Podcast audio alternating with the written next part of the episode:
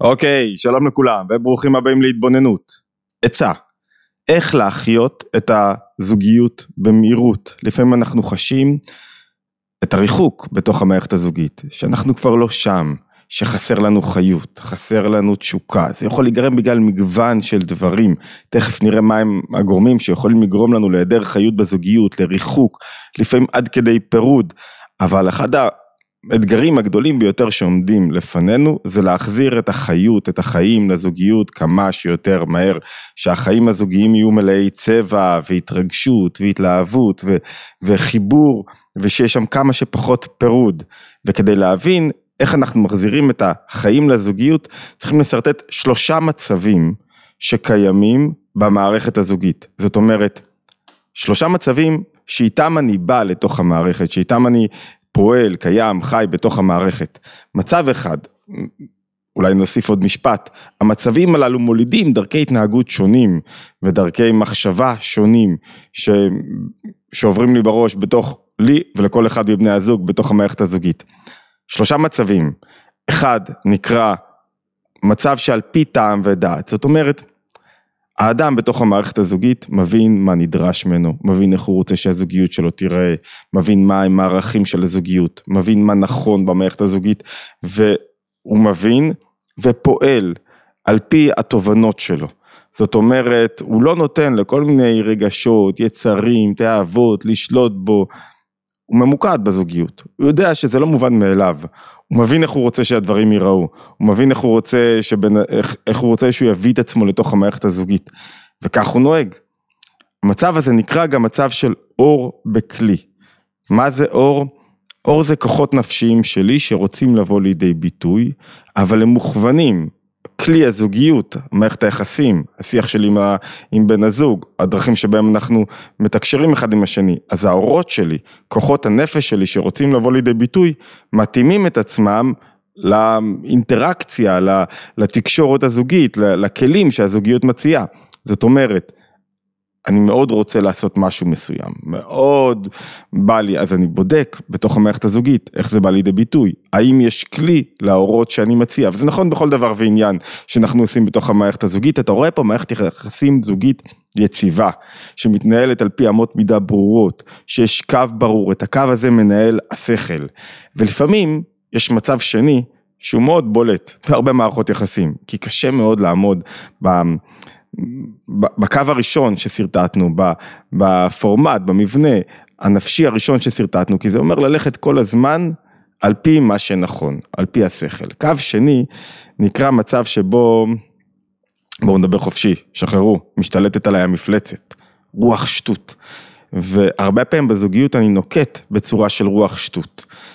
איך בא לידי ביטוי רוח שטות? יש לה מגוון של אה, דרכי הבעה. לפעמים זה תחושת חיסרון, לפעמים זה תחושת אכלתי אותה, לפעמים היצר משתלט עליי, אנחנו לא מדברים על זה, מחביאים את זה, אבל הרבה פעמים כשמישהו אומר אני לא רוצה, לא טוב לי פה בזוגיות, זה אומר שם אני רוצה להיות, שם יותר טוב לי, למה? כי הוא ראה איזה תמונה, הוא נמשך לאיזה עניין, והוא לא מודה בפני עצמו, הוא מפרק את הזוגיות שלו בגלל החיסרון שצייר לו, ציירה לו התמונה ששם יהיה לו יותר טוב, שם הוא רוצה להיות עם בן זוג חדש, זאת אומרת, לפעמים זה אי הבנת בן הזוג, לפעמים זה ציפיות מוגזמות, זה לפעמים נופל ברוח שטות, בועט בדלי, פתאום משתלט עליי כעס, או פתאום אני מרשה לעצבות או דיכאון להשתלט עליי, ולך תתמודד עם זה בתוך המערכת הזוגית, מאוד קשה, זאת אומרת, אני יודע שזה מרגיז חלק מהאנשים כשאומרים להם שיש להם בחירה על העולם הרגשי שלהם, ובוודאי שיש להם בחירה על ההתנהגות שלהם ועל המחשבות שלהם.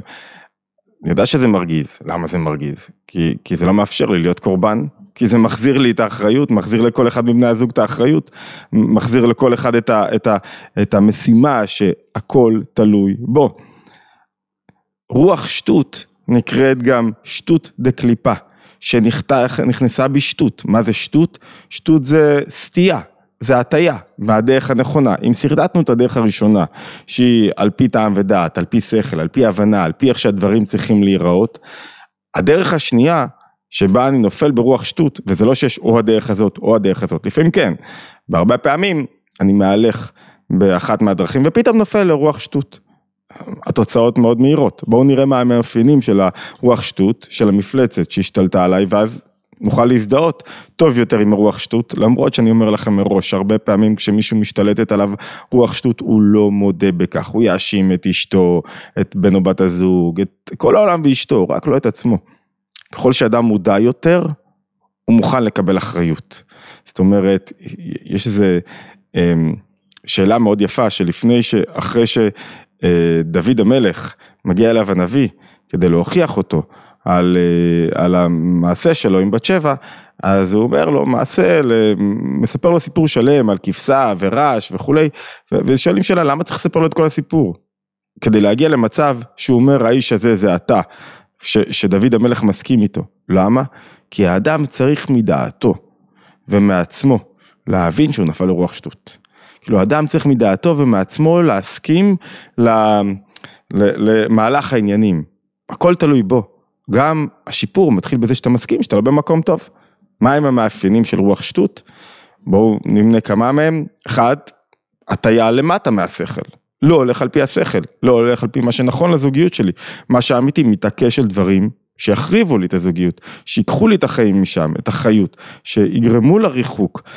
זה נובע בדרך כלל מקטנות במוחין, מחוסר סדר עדיפויות נכון, מזה שאני חייב לבקר את אשתי במשך שעה, או להעיר על כל דבר, רגע לפני שאנחנו יוצאים לערב רומנטי, או רגע לפני שאני רוצה ערב בכלל, נעים, נחמד, שבו יש חיבור, אז אני מבקר על כל ההתנהגות שלה, זה, זה הפוך בדיוק לרצון האמיתי שלי, שיהיה פה חיבור טוב. זאת אומרת, מאפיין אחד, זה שאני לא הולך על פי השכל, אני לא הולך על פי מה שחשבתי שהוא נכון, אני מוטה מדרך האמצע, מהדרך הנכונה, מהאופן שבו זוגיות צריכה להיראות, לא מהאופן שבו אני רוצה שבן הזוג שלי יהיה, אנשים נופלים בזה כל הזמן. נקודה שנייה, זה שכשרוח השטות, המאפיין הכי בולט של רוח שטות, כשרוח השטות מת, מתרגשת עליי, נכנסת בי וחודרת בי, אני נפרד מהחיבור, אני נפרד מהאחדות, אני לא הרבה פעמים אני לא מרגיש שאני נפרד, ואני חושב שאני עדיין מחובר, אבל אני פתאום יכול לדבר על אשתי בגוף שלישי, וכאילו לרחל קצת על אשתי, או להגיד אה, בפני מישהו מסוים על חסרונות, לא אשתי חס ושלום, כן? אשתם. אני פתאום יכול להצביע על החסרונות של בן הזוג. אשתי שומעת את השיעורים, תהרוג אותי. אני יכול להגיד פתאום על החסרונות של בן הזוג בפני אדם אחר. מה זה? אתה מוכר את אשתך בשביל איזה רבע שעה רכילות וכאילו באמתלה שאתה משתף, אתה לא יכול לשתף בחסרונות של בן הזוג שלך, אתה לא תקבל עצה טובה, אתה לא יכול לפתוח את זה. זאת אומרת, זה עניין מאוד אינטימי, זה עניין מאוד אישי. חלק מהאמון בבני זוג זה שלא משתפים חסרונות, לא מוציאים אותם החוצה. כי אני משתדל לראות את היתרונות, אני משתדל לראות את הדברים הטובים, לא נותנים לזה ביטוי כל כך גדול, ואם יש סוגיה ספציפית, מתייעצים לגביה. לא פותחים פתאום עכשיו הופך את בן הזוג שלי לעוגי פלצת. זאת אומרת, הרבה פעמים אני חושב שאני נשאר באחדותי ואני נפרד מהאחדות. ואני נפרד מהחיבור, והמהות של זוגיות זה אחדות, המהות של זוגיות זה חיבור, המהות של זוגיות זה להפוך משני אנשים נפרדים לדבר אחד. המהות של זוגיות זה לא בוא נקים ביחד בית, נביא ילדים, נחלק, אה, ננהל דרכי חיים משותפות ויהיה לנו קצת אינטימיות. זה לא מאוד של זוגיות. שני אנשים נפרדים, נשארו נפרדים, רק כרתו ביניהם איזה סוג של, של מערכת יחסים. המהות של זוגיות זה להפוך מאדם נפרד, מיחיאל ליחיאל וענת. וזה קשה, כי זה דורש ממני לוותר קצת על עצמי. עוד מאפיין של זוגיות, של רוח שטות שמשתדלת עליי, זה שאני סוטה מדרך הישר, אמרנו שטות מלשון סטייה, והשטות גורמת לי הרבה פעמים, בשפת החסידות זה נקרא לחטא, חטא זה חיסרון, מה זה חיסרון? שאני מרגיש שפה חסר לי משהו, במקום אחר יהיה לי יותר טוב. במקום אחר אני אפרח יותר, יהיה לי יותר חיות, יהיה לי יותר, אני ארוויח יותר, אני אהנה יותר, יהיה לי יותר טען. הרוח שטות גורמת לי לא לרצות להיות במקום שבו אני נמצא. מה עושים? אחד הדברים הקשים, זוכרים ששרטטנו עד עכשיו שתי עמדות שהן רווחות בתוך הזוגיות? הרמב"ם אומר, בשמונה פרקים, בפרק רביעי, אומר שכשמישהו יש לו חולי נפש, אז אחד מהדברים החשובים זה לא ללכת לקצה. אולי קצת לשונו של הרמב"ם בשמונה פרקים. הוא אומר, הפעולות אשר הן טובות, הן הפעולות השוות, הממוצעות בין שני קצוות. שני הקצוות, שניהם רע. ושניהם, אחד מהם יותר מדי, איתור, ואחד חיסור, אחד פחות מדי. והמעלות הן תכונות נפשיות וקניינם הם הממוצע בין שתי התכונות הרעות. זאת אומרת, כולם מכירים את שביל הזהב, דרך האמצע של הרמב"ם, שהוא מאוד חשוב. זאת אומרת, לא, אל תהיה פזרן מדי, אל תהיה קמצן מדי, תהיה בעל עין טובה. אל תהיה אה, לא מרגיש, איך הוא אומר את זה יפה, אולי אני אקרא בלשונו, ותכונת הנפש אשר, אמנם רוב התאווה הוא הקצה הראשון, והיעדר ההרגשה בהנאה לגמרי, הקצה האחרון. לא טוב לא להרגיש, לא טוב להיות שטוף זימה ותאווה. מה הוא אומר? באמצע.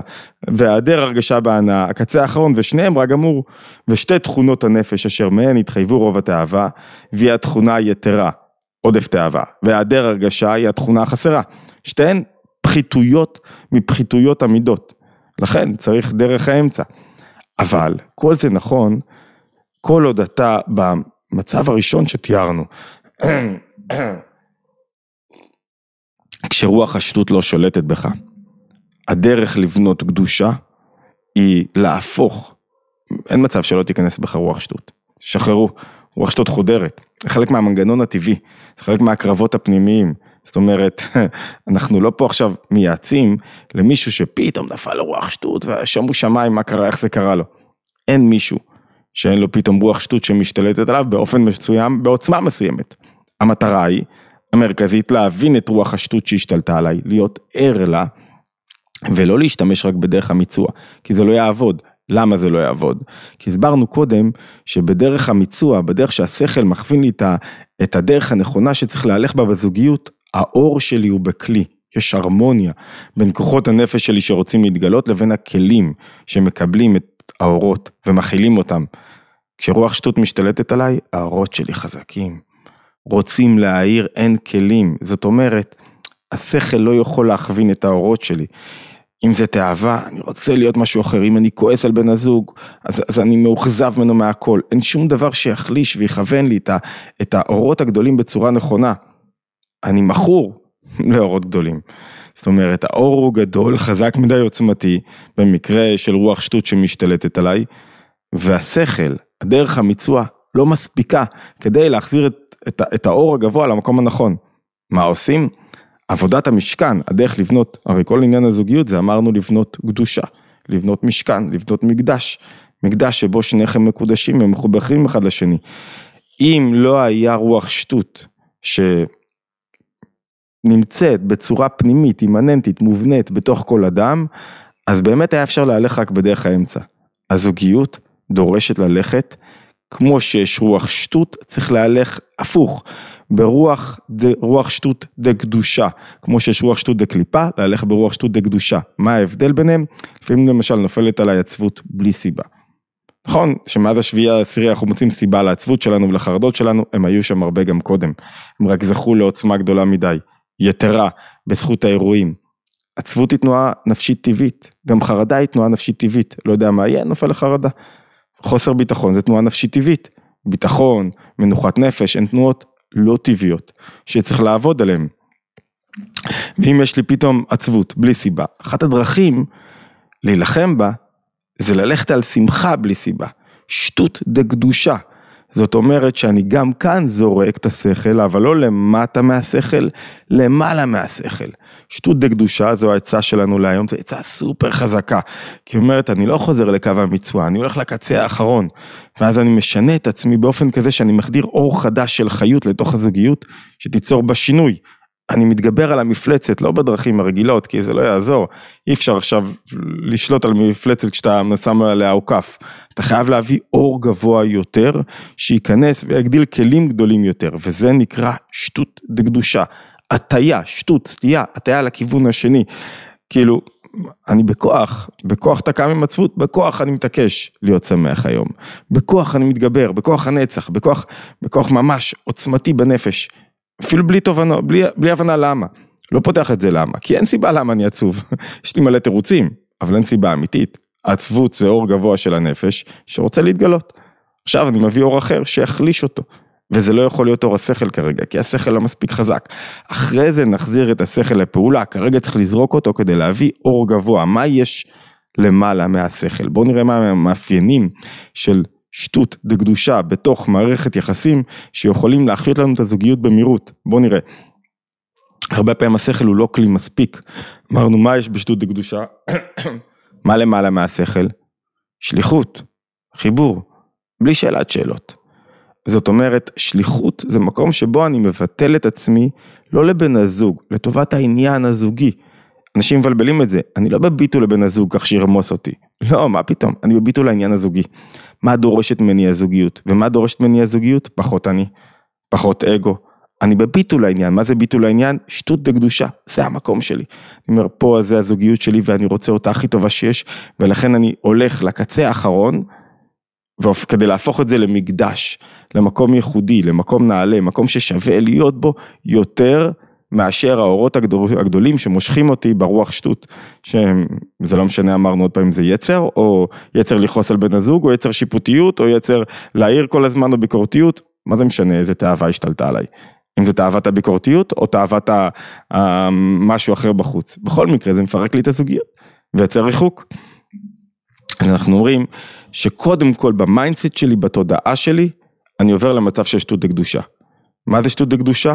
שאני מקדש פה את המערכת הזוגית הזאת. אני, אני לא נותן, מה כולל קדושה? קדושה זה חיבור, זה ייחוד. זה מקום שבו שום דבר אחר לא נכנס.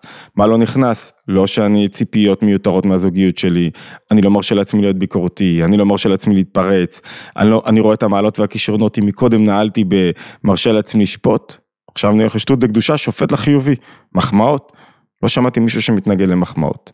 לא שמעתי בן זוג שלא אוהב שמחמיאים לו, שמלטפים לו את הגב, שאומרים לו דברים טובים, רואה את המעלות ואת הכישרונות במקום לראות רק חסרונות. בפועל, במעשים, לא רק ב mindset, עושה צעדים שלא ציפו ממני, והם לא צפויים כרגע. קונה פרחים, כותב שירים, שולח אה, שוקולד, מנקה את הבית, תמצאו מה לא מצפים מכם. אם אתם מנקים בדרך כלל את הבית, תוסיפו משהו אחד שהוא השטות דקדושה שלכם. מפתיע, יוצא מהגבולות שלי. נותן מחמאות, מחלק מחמאות. זאת אומרת, לא רק עשה טוב, גם סור מרע. נמנע מביקורת, נמנע מציפיות, נמנע עם העניין שלכם מבטים החוצה, נמנע ממחשבות של פירוד. זאת אומרת, מה שמאפיין את השטות דקדושה לעומת שטות דקליפה, ששטות דקדושה מחזירה את האחדות לתוך המערכת הזוגית. זאת אומרת, אני לא מדבר על, ה, על, ה, על בן הזוג כאילו הוא, אין הוא. כשמישהו אחד, כמו שעל עצמך, אתה לא מדבר דברים לא רצויים פתאום בפני אנשים אחרים, אתה לא, גם לא, בן, גם לא על בן הזוג, אתם אחד. זאת אומרת, מחזיר את האחדות בשיח, בדיבור, במחשבות שלי. אין לי מחשבת חוץ. זה השטות דקדושה, אני, אני לא רוצה להגיד את המילה מתאבד, אבל, אבל זה העניין שלי. מניח את עצמי, יוצר מקדש מהשיטים, מהשטות לקליפה, והופך את כל מה שגרם לריחוק למעלה. כלומר, לחיבור. אם היה לי תאווה בחוץ, מכוון את כל הרגש שלי והתאווה לתוך המערכת הזוגית. שם אני רוצה לגלות את הרגשות שלי, שם אני מתבונן, לא מתבונן בשום דבר החוצה. פורץ את הגבולות שלי עכשיו. זאת אומרת, אם אני... בדרך כלל מה שיוצר את הריחוק זה התנועה הדומיננטית בנפש של כל אדם. אם אני נוטה לצמצום, עכשיו בתוך הזוגיות אני מרחיב. עושה יותר, קונה יותר, מזמין יותר. ואם אני נוטה לכעס, עכשיו אני מתעקש על נחת רוח בתוך המערכת הזוגית. ואם אני ביקורתי ושיפוטי וזעפן ותנועה של גבורה, עכשיו אני מוסיף לי יותר תנועות הפוכות. זאת אומרת שאחד הדרכים הכי חזקות ליישר זוגיות מהר ולהחיות אותה, ובן הזוג מיד שם לזה. זה לזהות שנפלתי לרוח שטות, מדרך האמצע, מהדרך הנכונה, מזוגיות בריאה ויציבה, ואז להכניס את כוח השטות לקדושה. שהיא בונה את המקדש. שטות דקדושה זה בדיוק ההפך, בלי שכל. מה הזמנת עכשיו תיסע לחו"ל, עכשיו אם אתם טסים הרבה לחו"ל, זה לא שטות דקדושה, תמצאו משהו אחר, תמצאו דרך אחרת לגלות. פתאום בן הזוג מיד שם לב שאתה לא מבקר אותו, שאתה מעריך אותו, שאתה לא שופט אותו, שאתה לא מעיר לו על בגדים, על השמנה, על, על התנהגות, על כסף. אתה, ביחד, ביחד איתו בונה את מערכת היחסים היציבה, אבל פתאום יש לך שטות דקדושה. שאתה מקריב את התכונות השטותיות שלך לטובת הקדושה ולהפך מעלה אותם. עכשיו המשימה של כל אחד שהשתלטה עליו רוח שטות ואין מישהו שזה לא קורה לו, שאלת העוצמה היא קריטית, בעוצמה גדולה זה מוביל לפירוד. עכשיו השאלה הגדולה היא שכל אחד שהשתלטה עליו רוח שטות, שזה מונח בספרות הנפש, המוחין דקטנות פתאום משתלטים עליו, ואתה רואה את זה היטב בקצה, כשזוגות מתגרשים, אתה רואה את הקטנות במוחין, את הפחדים, את החרדות, את השיח המאוד קשה, כאילו יש פה מוחין דקטנות מאוד גדול, חוסר אמון גדול מצד שני הצדדים, אין טעם לשפוט מי, מי, מי אשם, זה לא הרלוונטי. המטרה היא להפוך את זה לשטות דקדושה. מה אתה מקריב כאן, כל אחד צריך לשאול, מה אני מקריב כאן? למעלה מהשכל, למעלה מאינטרסים, למעלה מהבנת הדרך הנכונה, למעלה מדרך המיצוע. מה אני יוצא מהגדרים שלי, מה אני פורץ את הגבולות שלי. ואתם תראו שכמים לפנים לפנים. כשמישהו רואה שמישהו מולו פורץ גבולות, קשה לו להישאר אדיש. בהתחלה הוא בודק אם זה אמיתי, ואולי אפילו מנצל את זה קצת, ואחרי זה, גם הוא בעצמו פורץ גבולות, כי הוא מבין את זה. אדם הוא בהמה, כשהוא בתוך סביבה בהמתית. אדם הוא אגוצנטרי כשהוא בתוך סביבה אגוצנטרית. כשמישהו מוציא אותו מתוך האגוצנטריות, הוא רוצה לעלות למעלה.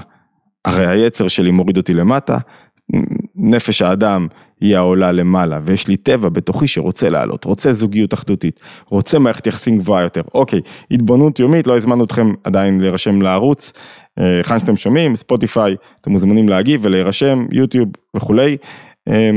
וכמובן להצטרף לקבוצות הוואטסאפ לקבל עדכון יומי, וכמובן אפשר גם להצטרף לפעילויות מחוץ לוואטסאפ, אני אזכיר שוב, בראשון לשלישי, כ"א אדר א', אנחנו נפגשים לסדנה מאוד מיוחדת בזאפה תל אביב, גני יהושע, אה, סדנה של להפוך חולשות לחוזקות. יהיו שם דברים מאוד מעניינים שלא דיברנו עליהם על היום שמשנים את התודעה ועוזרים לנו להבין מהן החולשות שלנו, מהן דרכי החולשה ואיך אנחנו יכולים להפוך אותם לחוזקות. אה, וזהו, להשתמע בהתבוננות היומית הבאה.